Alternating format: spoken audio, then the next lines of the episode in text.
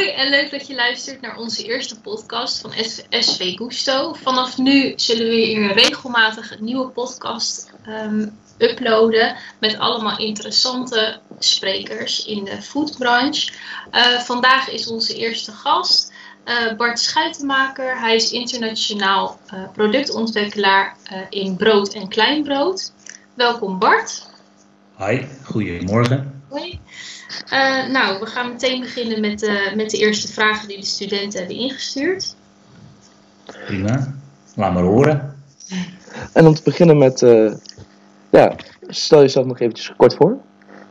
Nou goed, zoals Sanne al zei, Bart Schuitenmaker is de naam. Ik ben productontwikkelaar en een beetje innovator in de bakkerijbranche. Um, ik zal het kort even samenvatten. Um, ik ben 52 jaar en al uh, geruime tijd werkzaam in de bakkerijbranche. Uh, ooit begonnen als uh, jonge jongen bij de, in de bakkerij van mijn vader. vijfde generatie bakker inmiddels.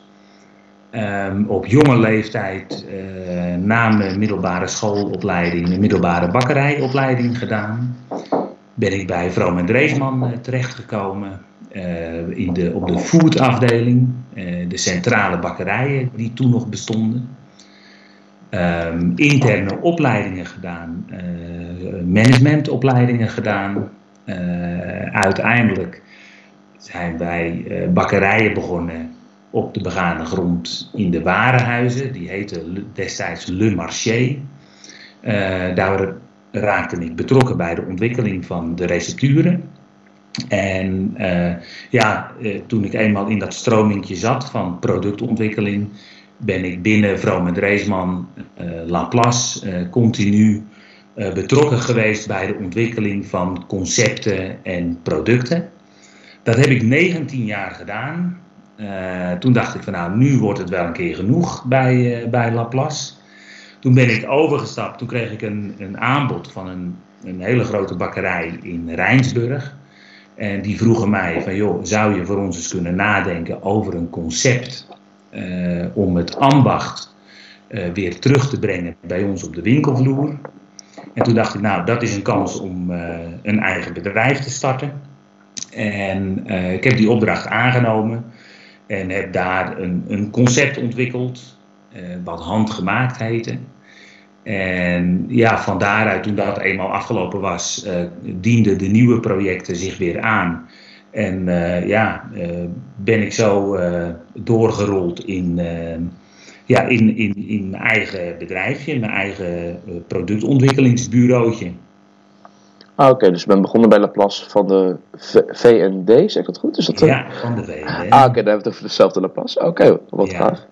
Oh, dus je bent er eigenlijk een beetje nou, eigenlijk zeg ik een beetje ingerold in het consulten of uh, het te hulp bieden? Ja, eigenlijk wel, ja. Ja, dat was. Uh, ik, uh, ik ben bakker geworden. Ehm, eigenlijk omdat dat vanuit huis eh, zo, zo gebeurde. Hè? Als je als jonge, jongen niet weet wat je worden wilt, ja, dan, dan rol je automatisch ergens in. En ehm, ja, goed, ik had wel talent voor het vak. Heb ook prijzen gewonnen uh, dat ik uh, in de jeugdvakwedstrijden meedeed en uh, dat soort zaken. En ja, ik heb goede leermeesters gehad, kan ik je vertellen. Waardoor ik gewoon vakmatig echt heel veel geleerd heb. met, de onder, met, de, met de begeleiding van school ook uiteraard daarbij. ja, zo, zo goede, goede spin-off gehad eigenlijk in het, in het vak. Maar uh, ja, ik, ik kon me nooit echt vinden als, uh, als bakker. Dat moet ik wel zeggen. Ik, uh, ik zag, heb mezelf nooit echt gezien als van, ja, ik ga midden in de nacht mijn wekker zetten en ik ga lekker deegjes snijden en daar broodjes van bakken. Dat, dat heeft mij nooit getrokken. En om die reden ben ik ook eigenlijk wel bij, bij de vrouw met Reesman terechtgekomen. Want ja, daar daar zochten ze toch andere type uh, bakkers dan, uh, dan wat standaard was. Uh, want wij werkten daar gewoon overdag. Ja, als je mij dan vraagt, wat, wat doe je zo al? ehm, op dit moment, ehm, na dat ene concept, eh, wat handgemaakt heette, ben ik eh, eigenlijk eh, in contact gekomen met bijvoorbeeld een, een bakkerij Wouter de Graaf, dat is Sanne wel bekend. en die hadden wat problemen met de oliebollenproductie die ze destijds hadden. En ja, die ondernemer die vraagt mij dan van, goh Bart, zou je eens kunnen komen kijken waar, waar wij kunnen verbeteren? Ja goed, uh, dan zeg je natuurlijk geen nee en uh, dan maak ik een afspraak en dan zeg nou dan en kom ik langs en laat maar eens zien wat jullie aan het doen zijn ja, dan tref je iets aan en dat gaat goed of dat gaat niet goed. Of op, sommige onderdelen kun je dan verbeteren. Nou ja, in dit geval was het eigenlijk zo dat ik direct kon zeggen joh, leg de productie maar stil. Want dit wordt nooit wat. En heeft dat geleid tot uiteindelijk de bouw van een, een nieuwe hal. die overigens al wel gepland stond, die hal. Maar de inrichting ervan werd toen uiteindelijk een oliebollenbakkerij waar inmiddels 30 miljoen oliebollen gebakken worden per jaar. En uh, ja, dat, zijn, dat, is dan de, de werkwijze zoals ik hem heb voorgesteld. En uh, de recepturen zoals die bij die productiewijze passen, ja, die, uh, die waren toen ook van mijn hand. En of dat bedrijf dat nu nog steeds hanteert, die recepturen, of dat dat inmiddels op wens van een klant uh, gewijzigd is, ja, dat, dat weet ik niet. Maar het leuke is wel dat zo'n bedrijf dan uh, van 10 uh, miljoen oliebollen uh, groeit naar 30 miljoen oliebollen. En dat half Nederland een oliebolletje eet waarvan ik aan, aan het, de oorsprong heb gestaan. Ja. En, en als je dan um, bij zo'n bedrijf komt, bijvoorbeeld, dus zij vragen jou, um, heb je dan met maar twee verschillende mensen van het bedrijf te maken? Of heb je ook met Um, met, ja, met wie heb je allemaal te maken? Nou, in, in, eerste instantie worden afspraken vaak gemaakt uh, door de directie uh, of de eigenaar. Uh, want ja, ze willen toch altijd eerst eens even een beetje kennis maken. En ze willen eigenlijk altijd direct weten van ja, wat kost dat nou als, als Bart langskomt. Ja. Um, dus ja, je hebt eigenlijk in eerste instantie direct te maken met de ondernemer, eigenaar, directeur. Uh, op het moment dat je aan de slag gaat, ja, dan uh, is het kennismaken met de verschillende disciplines die je tegenkomt. Nou, en waar, wat, afhankelijk van de opdracht uh, heb je dus te maken met nou, productieleiders, degene die de productie leiden. Je hebt te maken met productieplanners. Want stel je voor, je zegt op een gegeven moment van nou, ik heb een, een receptidee zoiets moet natuurlijk gepland worden in zo'n productie. Hè. Het is niet van, uh, nou, uh, we zullen eens even iets tussendoor gaan maken. Zo, zo werkt dat gewoon niet. Um, dus de, de productieplanners uh, heb je mee te maken. Je hebt te maken met de kwaliteitsdienst. Um, als productontwikkelaar um, verzin je natuurlijk vaak uh, andere oplossingen dan al bekend zijn hè, binnen het bedrijf. Dus een beetje vreemd. Of je komt met uh, bedrijf, branchevreemde ingrediënten aan en mag je die dan wel gebruiken binnen dat bedrijf? En hoe gebruik je dat? Um, ik kan me voorstellen dat er uh, allergenen mee, mee te maken hebben. Hè.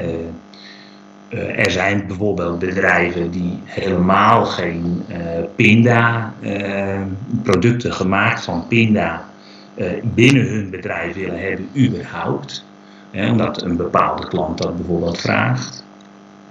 Ehm, met wie heb je nog meer te maken? Ja, de, de bedrijfsleiding, kwaliteit, wat zijn nou nog meer? planners, productiechef, ja, en natuurlijk medewerkers die die uh, de, de productie uh, elke dag weer realiseren. Ja, dus het is redelijk, redelijk variërend. Ja, ja, ja. En als je dan, en als je dan kijkt um, naar, je komt dus in zo'n bedrijf als ZZP'er neem ik aan. Ja. Um, en wat zijn dan de essentiële competenties die je eigenlijk nodig hebt? Want je komt er binnen, je, je, je, er wordt jou gevraagd om, om verbetering.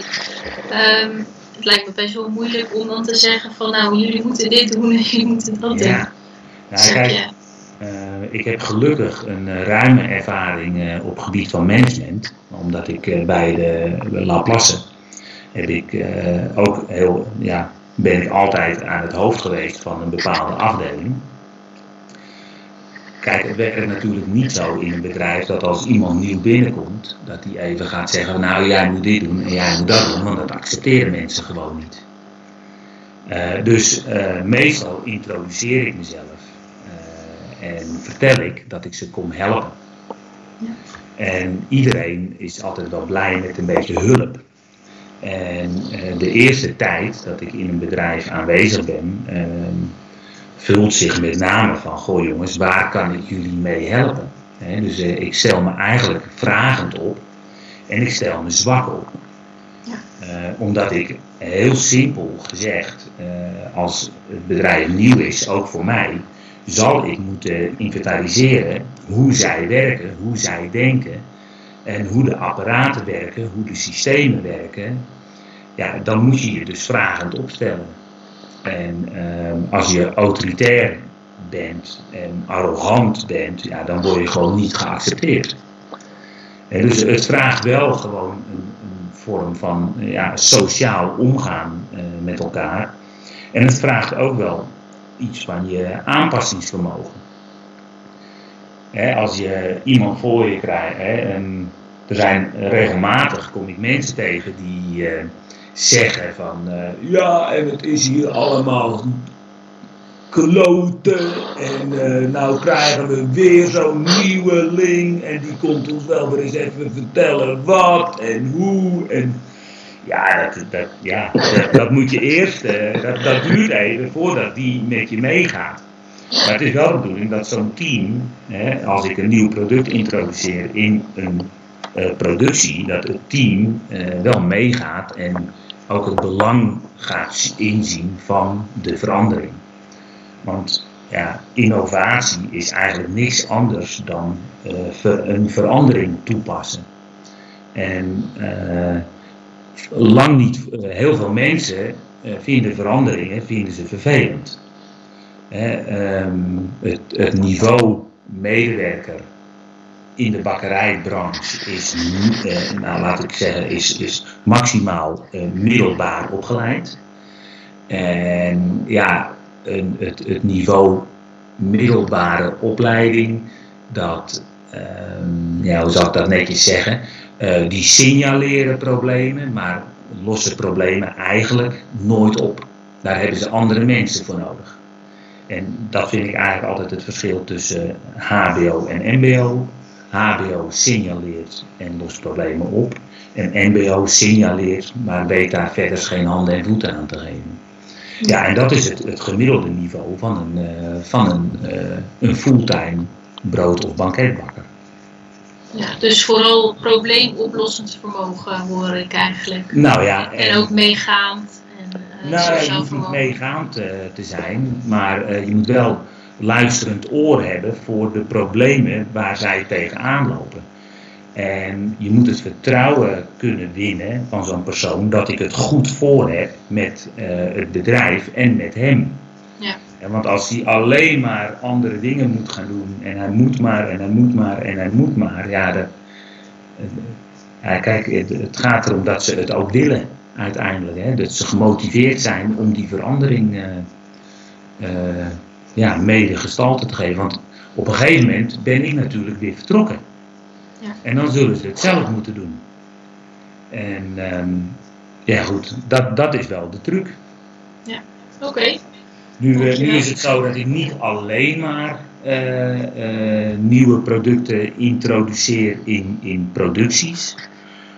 maar ik heb daar wel eigenlijk een beetje mijn specialiteit van gemaakt om, nou ja, productideeën die, uh, die we ontwikkelen in een proefbakkerij of in een proefomgeving, in een ontwikkellocatie, om die te transformeren naar een, uh, ja, naar een productieschaal of op grote productieschaal en uh, eventueel daarbij ja, de investeringen te vinden voor de aanschaf van ja, eventueel nieuwe machines die daarvoor nodig zijn.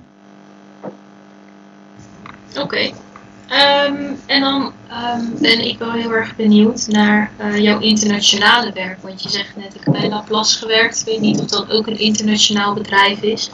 Uh, maar ik zag ook op je site dat er allemaal uh, Chinese tekens stonden. Dus ik ben wel benieuwd wat, wat voor internationaal werk je allemaal achter je naam hebt staan. Ja. Nou, Kijk, uh, toen ik eenmaal één keer over de grens een opdracht had uh, aangenomen, toen dacht ik van nou, nu ben ik ook internationaal. Dus toen heb ik dat er even bij gezet. Uh, maar ik heb twee opdrachten gehad in Duitsland voor de firma Bakwerk. En Bakwerk is een, een, een retailer die, ja, die belegde broodjes verkoopt en, en aanverwante artikelen. Um, en zij hebben ongeveer 400 winkels uh, in Duitsland, um, uh, deels in Oostenrijk, Zwitserland en ook in Nederland.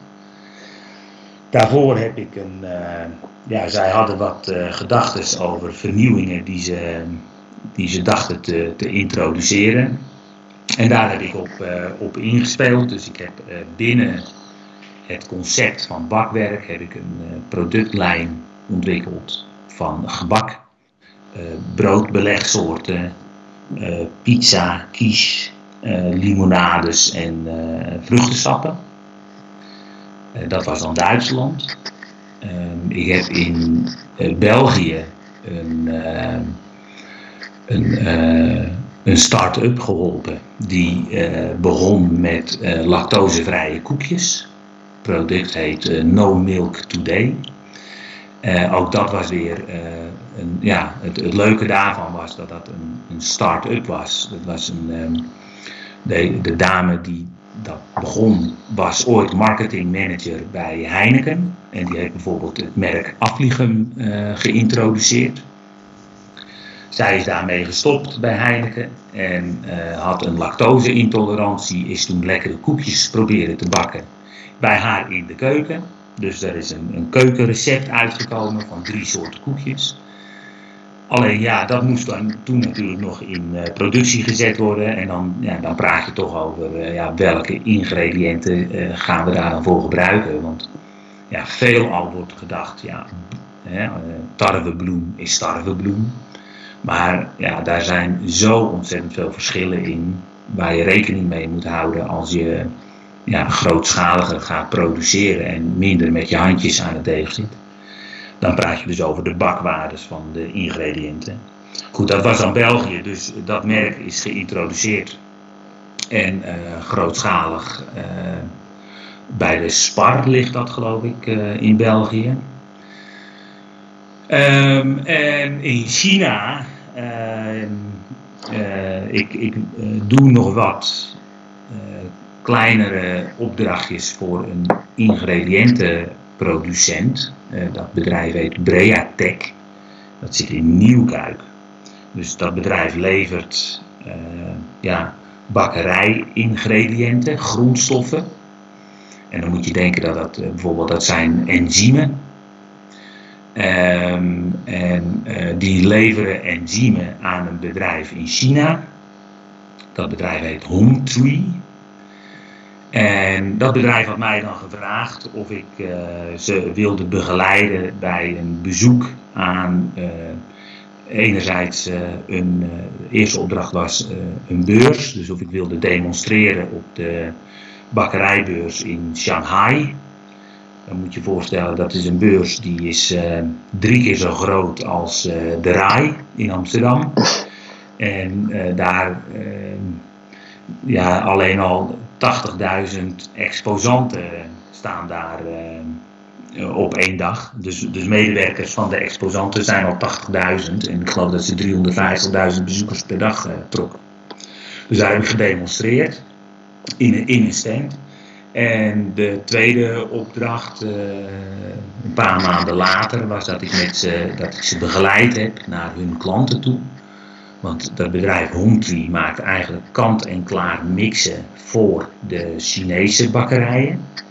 Dus laten we zeggen een, een cake mix waar je dan alleen nog uh, ei en uh, boter bij zou moeten doen. En uh, ja, ze zochten nog wat verbeteringen. Hè. Die, die, was cake wat niet zacht genoeg was. En ze hadden contact met de grootste voedselproducent van China. Dat heet Pan Pan Foods. Dat is, laten we zeggen, de Unilever. wat, wat wij hier kennen als een van de grootste spelers uh, is dat Pan Pan Foods in China.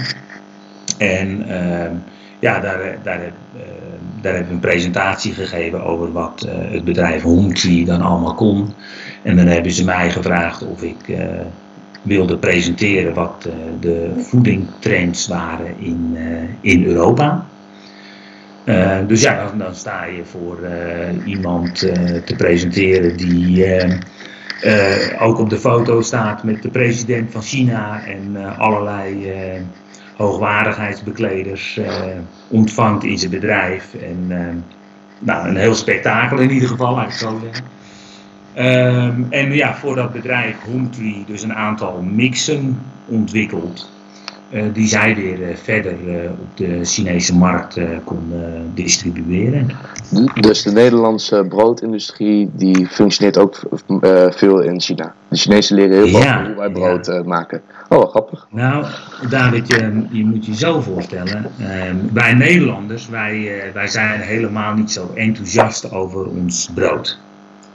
Wij kijken eigenlijk heel erg naar Duitsland en naar de Franse bakkerij. Want ja, dat, dat schijnt, het, dat is het summum. Hè? Dat, dat is de ultieme broodbeleving. Het traditionele busbrood eh, in Nederland, wat zo lekker mm zacht en mals blijft, dat, dat, is, uh, ja, dat, dat vinden wij maar gewoon en daar zijn we al jaren aan gewend. En uh, dat is allemaal niet zo bijzonder. Maar het buitenland kijkt daar met hele grote ogen, kijkt die daarnaar, omdat dat kwalitatief best heel goed brood is.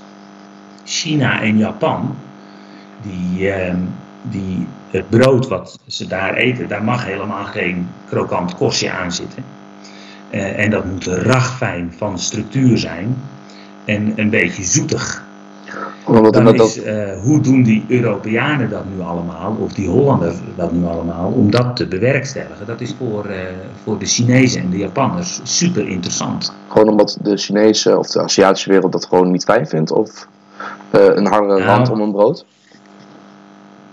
Kijk, ehm, China is natuurlijk een land wat zich in een heel rap tempo ontwikkelt. En ze jarenlang volgens hun eigen tradities uh, uh, gegeten en gedronken. En op een gegeven moment gaan de grenzen een beetje open en uh, gaat de sociale media een beetje open en ziet China wat er, de, de bevolking van China ziet wat er buiten hun eigen land allemaal gebeurt. En die zijn heel hongerig, zeg ik dan maar, en die zijn heel gretig, want die willen dat ook allemaal.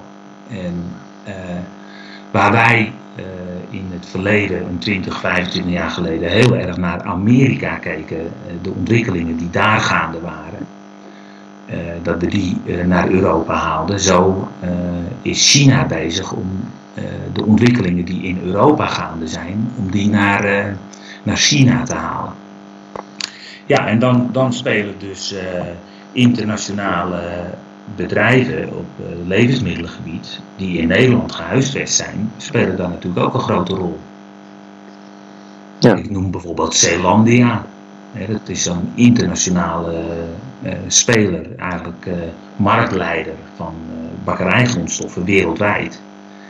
Ja, daar zit natuurlijk heel veel kennis wat die Chinezen weer zouden kunnen gebruiken. En Chinezen die kunnen heel goed kopiëren. Maar ze hebben de, ja, zeggen, alles wat erachter zit, de, de know-how die erachter zit, ja, die, die ontbreekt. En die willen ze graag uh, importeren nog. Ah, oké. Ja. Ah, maar als ik zo hoor, zijn het best wel allemaal wel verschillende projecten. Zoals de limonade in Duitsland, uh, ingrediënten in uh, China. Um, als u dan gaat kijken naar uh, aanvragen voor een project bijvoorbeeld, hoe selecteert u die? Wanneer vindt u een, uh, een project interessant? Is dat als het een nieuwe uitdaging voor u is, of als het uh, weer wat bekender is? Of hoe selecteert u uw opdrachten die u binnenkrijgt? Nou ja, kijk, um, ik ben afhankelijk van wat er op, op mijn pad komt.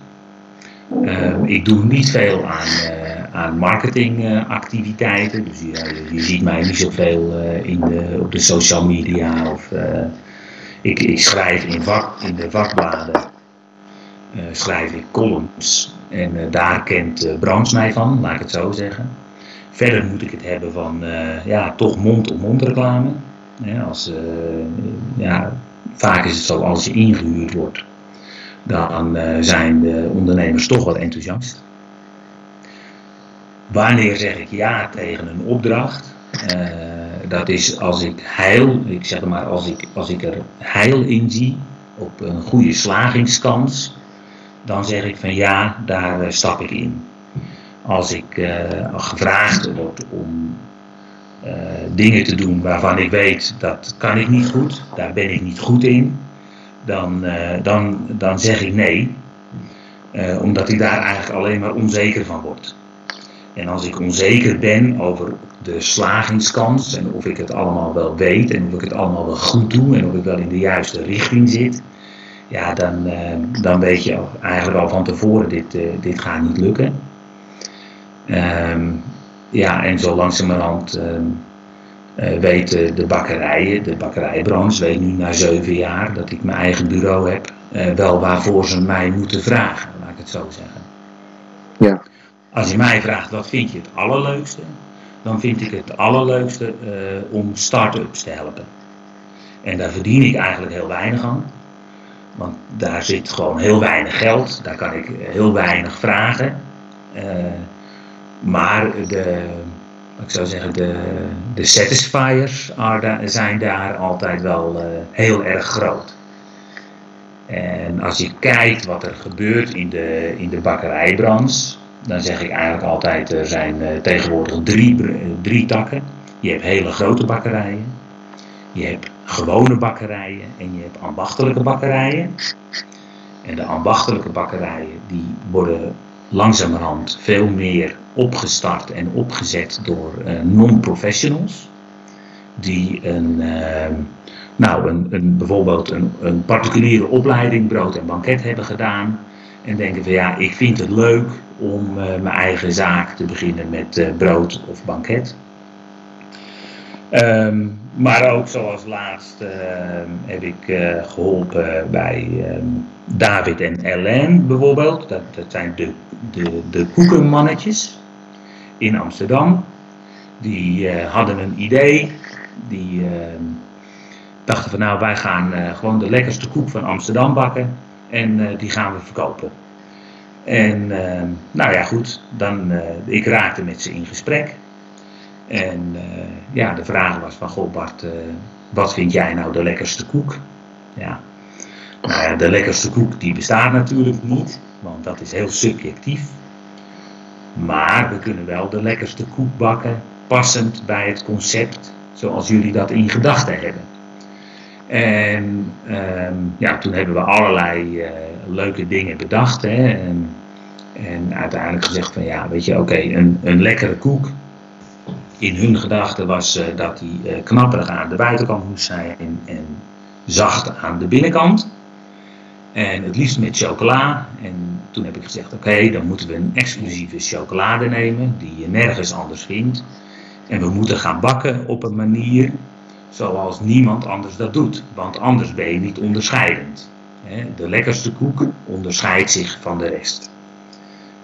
Um, ja, zodoende hebben we dus een ander type oven gebruikt, die uh, in Nederland nog helemaal nergens staat. Dat zijn, uh, we hebben een infraroodoven gekocht. En daarmee, in die oven zijn we een koek gaan bakken. Omdat ik dacht nou, als je hem nou met infrarood gaat bakken, dan is hij snel gaar en dan blijft hij zacht aan de binnenkant. En dat is natuurlijk heel iets anders bakken dan in een hete luchtoven of in een, in een vloer of een dekoven. Dus op de vraag van uh, welke op, wanneer neem je een opdracht aan, dat is eigenlijk zodra ik denk van nou, dit heeft kans van slagen, dan, uh, dan doe ik mee. Ja, precies. Echt volledig op intuïtie. Maar hij vindt het met ja, name leuk. Nou, kijk, in die zin, ehm, als ik benaderd word, dan, dan, wil ik eerst, dan gaan we eerst het gesprek aan om, nou, hè, de, deels kennis maken. Maar ik wil ook weten wat, wat de doelstelling is van het bedrijf. Hè. Wat, wat ze verwachten, wat ze willen bereiken en welke rol ze mij daarin toebedelen. Ja, dus een beetje missie- en visieachtige uh, gedachten. Ja, ja, ja. En ah. zoals uh, start-ups, ja, die delen dan uh, met mij gewoon hun businessplan. Mm En ja, dan kan ik kijken of ik kan participeren of niet. Ja, dus in principe eigenlijk een beetje de leermeesterrol bieden bij start-ups. Dat was nog vroeger wat je zegt. Eh, vroeger hebben we natuurlijk, als je bakkersopleiding hebt gedaan, ga je eerst een jaar of acht of zo. Tenminste, mijn oom is bakker. Uh, Een jaar of acht bij een leermeester aan de gang, voordat je in principe eigenlijk op jezelf gaat beginnen. Maar je ziet een trend in de bakkerswereld dat dat eigenlijk na een particuliere opleiding, dat ze daar eigenlijk al snel het gevoel hebben dat ze voor zichzelf willen beginnen. Ja, ja. En dat kan heel succesvol zijn hoor, want uh, ook in kleine dorpen uh, starten uh, dit soort ondernemers. Dus het, het ja, laten we zeggen, de traditionele bakkerswinkel, die gaat wel een klein beetje verdwijnen. En de grote bakkerijen worden groter. De kleine bakkerijtjes gaan zich specialiseren. Dat worden, dat worden hele duidelijke concepten. En alles wat daartussen valt, dat zal uh, ja, slinken, dat wordt steeds minder. Zoals een uh, bijvoorbeeld. Uh, um, oh, nu ben ik de naam vergeten. Heel, heel stom, ik had de naam in gedachten. Ja, maar David de Bakker. nee, nee, nee. Het is een, een, in Nederland. Ik vroeg me af of u daar ooit van Kraaiennest ja. Uh, ja, die, dat, dat is het uh, vereten. Het is wel redelijk richting het ambachtelijk brood, maar die gaan ook wel richting de massa. Tenminste, volgens mij hebben ze onlangs ja, een zesde locatie geopend in Nijmegen. Ja, het Kraaiennest is wel een hele grote bakkerij. Die doen, uh, het is toch wel massaproductie. En doen wel beperkt assortiment, maar dat verkopen ze aan, de, aan de grote retailers. Dus dat ligt in de supermarkten. Ah, oké. En um, je zei net dat je het eigenlijk het leukste vindt om uh, dus die start-ups te helpen. Haal je daar dan ook het meeste voldoening uit? Omdat je zelf aangaf dat het grote geld komt daar bij wijze van spreken niet vandaan. Maar je vindt het wel het leukst. Dus betekent dat dan ook dat je als je thuis komt, dat je dan denkt van nou, ik heb echt lekker gewerkt? Ja, dat, dat zeker dus de, de, meeste voldoening haal ik daaruit. En uh, dat heeft uh, mede te maken met het feit dat uh, ja, als, je, als je jong en jij bent en je, je wil je eigen bedrijf beginnen, daar, daar ga je vol enthousiasme gaan, gaan, die, gaan de mensen daar, daarin. En dat enthousiasme, dat, dat werkt wel een beetje aanstekelijk. En als ik dat kan coachen en begeleiden en ik kan ze waarschuwen voor de valkuilen en ik kan ze adviseren van, joh, uh, doe dat niet. Uh, heb je hier al aan gedacht? En hoe denk je hierover? En ja, weet je, vaak is het zo dat, mensen hun, een, een droom hebben. En uh, dat willen ze verwezenlijken. En dan gaan we nou, koeken bakken, ik roep maar even wat. En dan, nou, dan willen ze daar allerlei predicaten aan hangen van nou, biologisch en lokaal en natuurlijk en geen synthetische toevoegingen. Ja, dat, wordt natuurlijk, dat is natuurlijk helemaal te gek, weet je, zoiets. Alleen dan zeggen ze, ja, dan willen we ook een red velvet koekje. Willen we ook.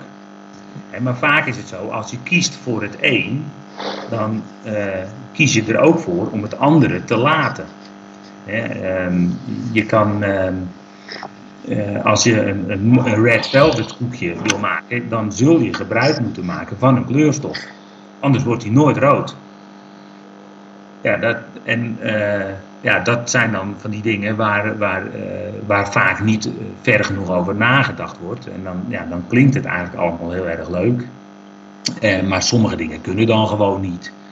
En als je dan toch met oplossingen voor voor ze komt en het concept uiteindelijk staat en het succesvol is, ja, dat is gewoon, uh, dat is gewoon te gek. En vaak is ook dus ja, de dankbaarheid is, is veel groter. En ja, goed, in grote bedrijven voer je, krijg je een project, krijg je een opdracht, je voert hem uit, je rekent af en je bent weg.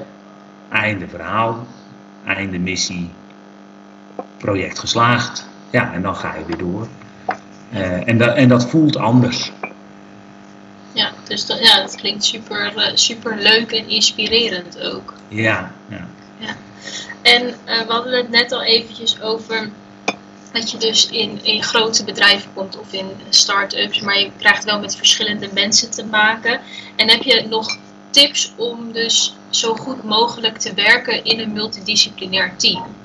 Ehm, hoe, je, ja, hoe ga je daarmee om? Hoe, ja, hoe ga je daarmee om? Ehm, ja, eigenlijk had ik, had ik uh, zoiets al een, een, klein beetje verkapt verteld. Hè. Ehm, ik vind het belangrijk dat ik, uh, dat ik mezelf kan zijn. Uh, en gewoon kan zeggen wat ik voel en bedoel en waar we naartoe moeten met z'n allen. Um, het belangrijkste is dat je mensen motiveert om, om, om mee te gaan om het doel te elkaar tegenkomt op het gebied van kwaliteit, ja, dan zullen we daar samen over moeten praten hoe we die blokkades kunnen oplossen. Binnen, binnen de regel, uiteraard binnen de regelgeving zoals die uh, op dat moment uh, gelden. En ja, weet je, soms uh, kan ik het niet oplossen, maar ja, moet de kwaliteitsdienst, die, die zal daar echt dan mee aan de slag moeten om, om de oplossing te verzinnen. Ja, en als je dan, dus dat is meer in, in, een, in een Nederlands bedrijf en misschien werkt het ook wel zo in een buitenlands bedrijf. Maar in een buitenlands bedrijf heb je natuurlijk ook heel erg te maken met, met de verschillende culturen. En Chinese mensen werken anders met elkaar dan, ja. dan de Nederlandse mensen. En hoe heb jij dat ervaren? Hoe, ja, ja het is, moest je daaraan wennen? Of? Ja, het vraagt, het vraagt heel veel van je aanpassingsvermogen. Kijk, ik denk uh, als je te gast bent in China, dat je je dan ook als gast uh, moet gedragen. landswijs, landseer, zeggen ze wel eens. Dus het gaat gewoon zoals het gaat in China. en ja, daar heb je je aan aan te passen. Maar je moet jezelf daarin niet vergeten. Hè? Want um, een Chinees die werkt gewoon het klokje rond. Die werkt 12 uur achter elkaar. En uh, dat doen ze zes dagen in de week. En tussen de middag schuiven ze drie stoelen aan elkaar in de kantine en uh, gaan ze een dutje doen. Uh, ja, goed, dat, dat, dat doe ik dan dus niet. Daar doe ik dus dan niet aan mee. Um, en in China verwachten ze heel veel van de mensen die ze inhuren. Dus met andere woorden, als ze een vraag hebben, dan uh, willen ze ook direct antwoord. Maar je kan niet, direct, uh, niet altijd direct antwoord uh, geven op bepaalde baktechnische problemen. dus dan, dan, ja, dan zal ik toch moeten zeggen van, goh, joh, laat me er even over nadenken. Morgen heb ik een antwoord voor je. En dan ga ik terug uh, s'avonds naar mijn hotelkamer. En ja, dan schakel ik misschien een hulplijn in. Of ik zoek even in mijn bestanden. Wat ik, hè, wat, hoe ik bepaalde recepturen wel eens heb opgelost. En dan kan ik kijken of dat in China ook werkt. En of dat kan. Ja. Ehm, dus ja, het vraagt heel veel van je aanpassingsvermogen. en ja, en ook wel een beetje slim, slim antwoord geven. Ja, lijkt me toch best, best moeilijk dat je, nou, dat je in een, ja, gewoon in een totaal andere cultuur terecht Ja, zeker. Je, je moet je voorstellen hè, die, dat, uh, dat we in gesprek waren met uh, de directeur, de CEO van Pan Pan Foods. Nou, daar, daar zit ik ook wel met een beetje zenuwen. Want ja. Ja, weet je, uh, die man die, uh, ja, die, die, die staat op de foto met Angela Merkel, die staat op de foto met uh, zijn eigen president. En je hebt net een, je bent even geleid langs alle foto's en certificaten en onderscheidingen van die meneer, hoe goed hij wel niet is en hoe hoog hij in de Chinese ranglijst staat. Ja, en die, die gaat dus vragen stellen over crackers en over wijn en over van alles en nog wat. En hoe je dan wafels maakt en hoe je pretzels maakt. Ja, weet je, geef maar eens even direct antwoord. Ja, je wordt echt getest op je kennis dan. Ja. Ja. ja. ja. dan kan ik me voorstellen dat dat, uh, ja, dat, dat dan toch een beetje zenuwen geeft. Ja. En, en het ook zo is, is dus dat uh, dan de eigenaar van Hometree, uh, hun toeleverancier, die is op die momenten heel erg nederig naar zo'n zo'n CEO toe. Hè? Die, die rangen en standen zijn daar vele malen groter dan, uh, dan, dan in Europa. En ja, eigenlijk in Nederland kennen we het eigenlijk al niet eens meer. Nee. Nee. Oké. Okay. Uh, nou, dan zijn we denk ik bij de laatste vraag aangekomen. Um, wij vroegen ons af of je ook zelf aan bijscholing doet. En uh, nou ja, zo ja, wat en hoe doe je dat? Of leer je vooral van je opdrachten en uh, is dat eigenlijk een soort van je bijscholing? Ja.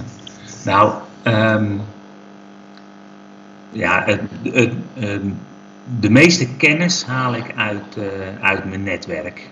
En um, ik, het, het voordeel van freelance uh, productontwikkeling en onafhankelijke productontwikkeling is dat ik dus overal en nergens uh, terechtkom. En overal leer je dus bij. En dat betekent dat je door de jaren heen bouw, je een, uh, een groot referentiekader op. Als je bij wijze van spreken voor een producent zou werken van grondstoffen, dan beperk je je alleen tot de grondstoffen van die producent en hun kennis en kunde. Um, en um, ja, ik, ik laat me daar dus niet door beperken. Ik, ik kies altijd dat wat het beste is voor uh, de opdrachtgever. En of dat nou van producent A of B is, dat maakt mij helemaal niks uit. Um, dus um, uh, door veel opdrachten te doen, breid je je referentiekader uit waar je heel veel oplossingen uit kunt, uh, kunt putten. Zo niet zul je altijd als ontwikkelaar op zoek moeten gaan naar uh, verschillende oplossingen. Dus als je in, in, in een proefomgeving komt van ja, een, een, of dat nou een bakkerij is of een grondstoffenproducent of een slagers uh, ingrediënten. Ja, dan moet je dus op zoek naar oplossingen. Uh, en daar kun je altijd mensen uit je netwerk voor inschakelen. Um, ja, als het goed is leren jullie dat ook een klein beetje op school. Uh, ja, zeker. Ja, en als je mij zou vragen van, goh Bart, als je nou nog eens tijd hebt voor een, uh, een deeltijdopleiding, ja, dan zou ik wel nog, zou ik het uh, zinvol vinden voor mezelf om bakkerijtechnologie erbij te gaan doen. zeker ook omdat ik ehm, ja, eigenlijk qua enzymtechnologie uh, te weinig kennis heb. En die kennis kan ik ook niet bij, uh, uit mijn netwerk halen, omdat die eigenlijk gewoon niet prijsgegeven uh, worden. Bedankt voor het luisteren naar onze eerste podcast met Bart Scheutenmakers. Nogmaals, Bart Scheutenmakers bedankt en tot de volgende uitzending.